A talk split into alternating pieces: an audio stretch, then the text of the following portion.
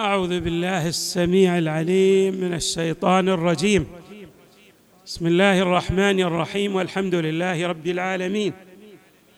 والصلاة والسلام على أشرف الخلق سيدنا ونبينا محمد وآله أجمعين الطيبين الطاهرين.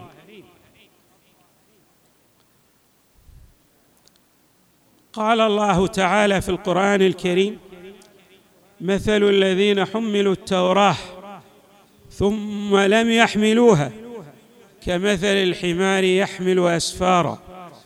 صدق الله العلي العظيم. استعرضنا وإياكم الروايات الواردة أو بعضا من الروايات الواردة عن النبي صلى الله عليه وآله. والائمه من أهل البيت عليهم السلام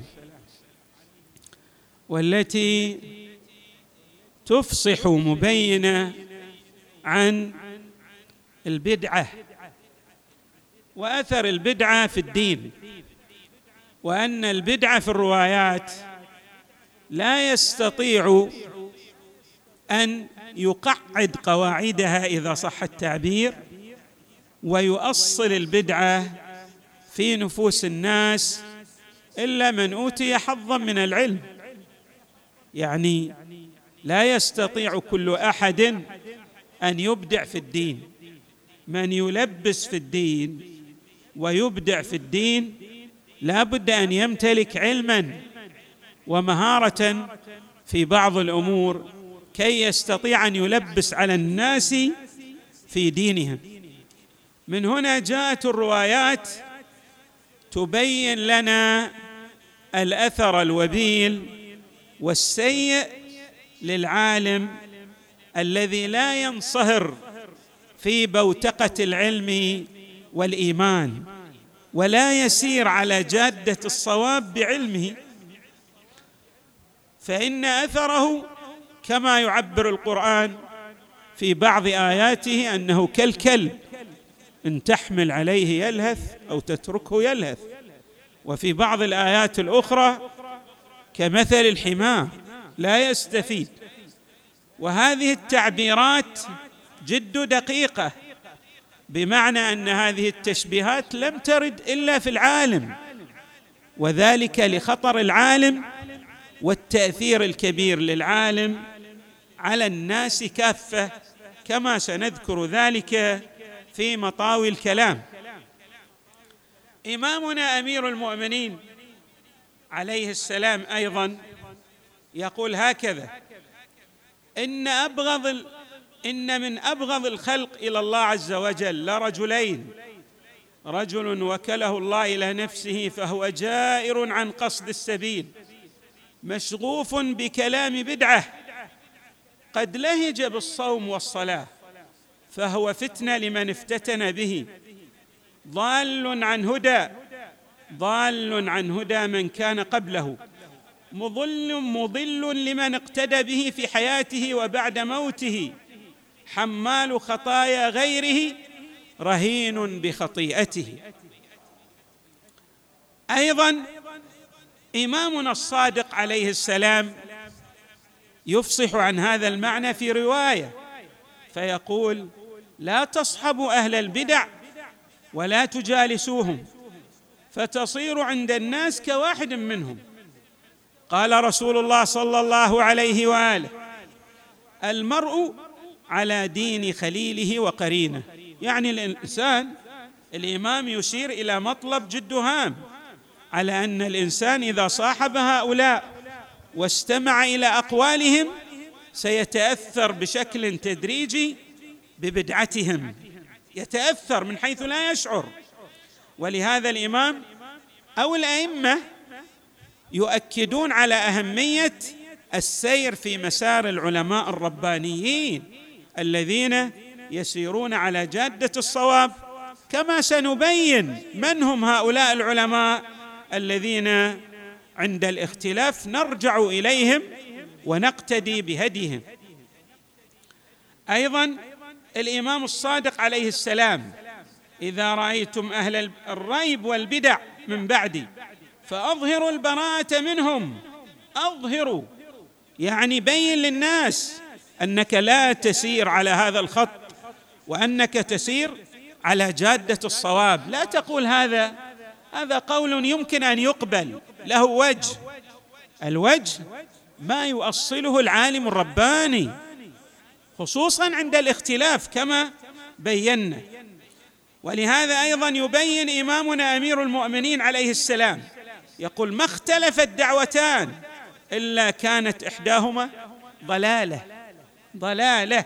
المسألة في الدين وليس المسألة في أمور الحياة.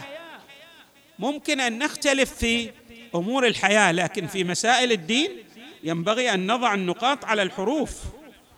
أيضا يقول عليه السلام ما أحدثت بدعة إلا ترك بها سنة فاتقوا البدع وألزموا المهيع إن عوازم الأمور هي أفضلها وإن المحدثات أو المحدثات هي شرارها. أيضا يقول إمامنا الصادق عن الرضا حتى الرضا الظاهري الخارجي يقول من تبسم في وجه مبتدع فقد أعان على هدم دينه. أنت لا تنظر إلى الآثار في الزمن الذي ستعيش به أو فيه وإنما انظر إلى الآثار الوبيلة والسيئة لأن ذلك صاحب البدعة ستقوى شوكته وسيظن أنه على الحق من خلال تصفيق الناس له من خلال اتباع الناس لأقواله. أيضا يقول عليه السلام من مشى إلى صاحب بدعة فوقره فقد مشى في هدم الإسلام. وهكذا أيضا روايات تفصح عن هذا المعنى. وكلمات لإمامنا أمير المؤمنين عليه السلام يقول فيها فاعلم أيضا فاعلم أن أفضل عباد الله عند الله إمام عادل هدي وهدى. فأقام سنة معلومة وأمات بدعة مجهولة. والإمام من يؤتم به في كل الأمور خصوصا في العلم. أيضا الإمام عليه السلام يقول أواه على إخواني الذين تلوا القرآن فأحكموه وتدبروا الفرض فأقاموه فأقاموا السنة وأماتوا البدعة. ويقول وإنما الناس رجلان. متبع شرعه يعني سائر على جادة الصواب ومبتدع بدعة. ويقول عليه السلام طوبى لمن ذل في نفسه وطاب كسبه. وأيضا ولم ينسب إلى البدعة. روايات كثيرة تبين لنا الأثر السيء والوبيل. في هذا الصدد أيضا لنلحظ ما قاله علماؤنا الأبرار. العلماء أيضا يبينون الآثار السيئة للعالم الذي ماذا؟ لا يسير على جادة الصواب. نعم. المحقق الطوسي يرحمه الله وهو من هو في التحقيق؟ آية. وقد تتلمذ على يديه العلامة الحلي وغيره من العلماء الأكابر. صحيح اشتهر في الأمور الحكمية من الفلسفة والكلام إلا أنه أيضا من الفقهاء الكبار وله إشكالات تنم عن التحقيق والتدقيق حتى في المسائل الفقهية.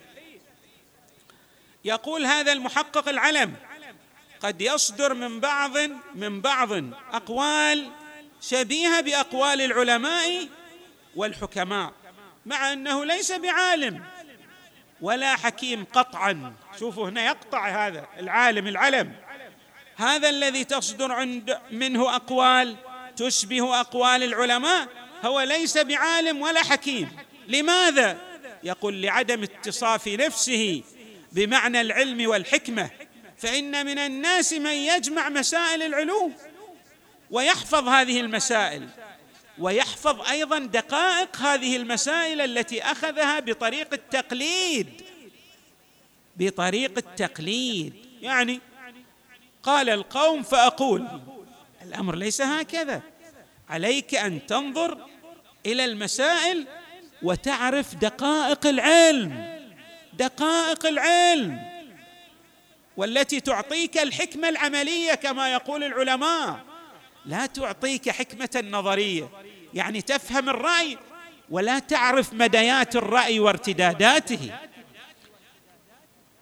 ويحفظ دقائق تلك المسائل التي أخذها لكن بطريق التقليد ويؤديها إلى غيره في المحاورات والمناظرات على وجه يتعجب منه المستمعون.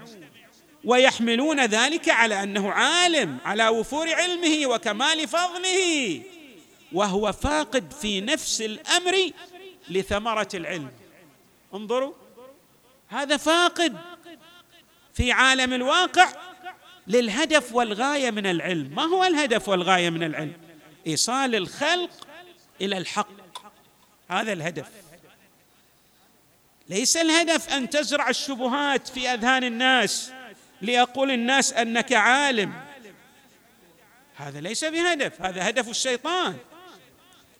ثم يقول وهو فاقد في نفس الأمر لثمرة العلم وفائدة الحكمة. ما هي ثمرة العلم وفائدة الحكمة؟ أعني وثوق النفس وبرد اليقين وليس هو بحاصل على فوائد العلم. وخلاصة العقائد التي يحملها هي التشكيك والحيرة ومثله في تقرير العلوم شوفوا المحقق الطوسي يقول هذا ومثله في تحقيق في تقرير العلوم مثل بعض الحيوانات في حكاية أفعال الإنسان. أليست الببغاء تتحدث كما يتحدث الإنسان؟ يقول شخص علم الببغاء سورة التوحيد لكن في يوم من الأيام جعل حيوان يهجم على تلك الببغاء فأراد يختبر هذه الببغاء عند ماذا؟ عند الخطر. هل تقرأ سورة التوحيد أو تعود إلى طبيعتها في صوتها المعمول يعني في صوتها العادي؟ فلم يرى أن تلك الببغاء نطقت بأي آية من سورة التوحيد بل عادت إلى طبيعتها. العالم هو الذي تنفجر منه الحكمة ويستفيد الناس منه الصواب ويسيرون إلى الله تبارك وتعالى مطمئنين. اذا المحقق الطوسي يقول مثل هذا العالم مثل بعض الحيوانات في حكاية أفعال الإنسان. ومثل الأطفال في التشبه في بأفعال البلغاء. فأفعاله وآثاره شبيهة بأفعال العلماء. وآثار العلماء ولكن قلبه مباين لقلوب العلماء. ثم يقول المحقق الطوسي ثم لكون مصدر العلم والحكمة هو النفس دون الظواهر. يقع الاشتباه بينهم وبين العالم الرباني. الناس الذين لم يخبروا لم يرجعوا إلى من يؤصل العلم ويضع النقاط على الحروف. وقد قلنا من يضع؟ المراجع الذين بلغوا الرتبه العالية. مثلا في زماننا عند الاختلاف لمن نرجع؟ إلى السيد السيستاني هو مرجع الطائفة. نقول له فيما هذه المسألة خلاف. ما هو رأيكم؟ فإذا قال فقوله الفصل بعد ما نرجع إلى ذلك التشكيك.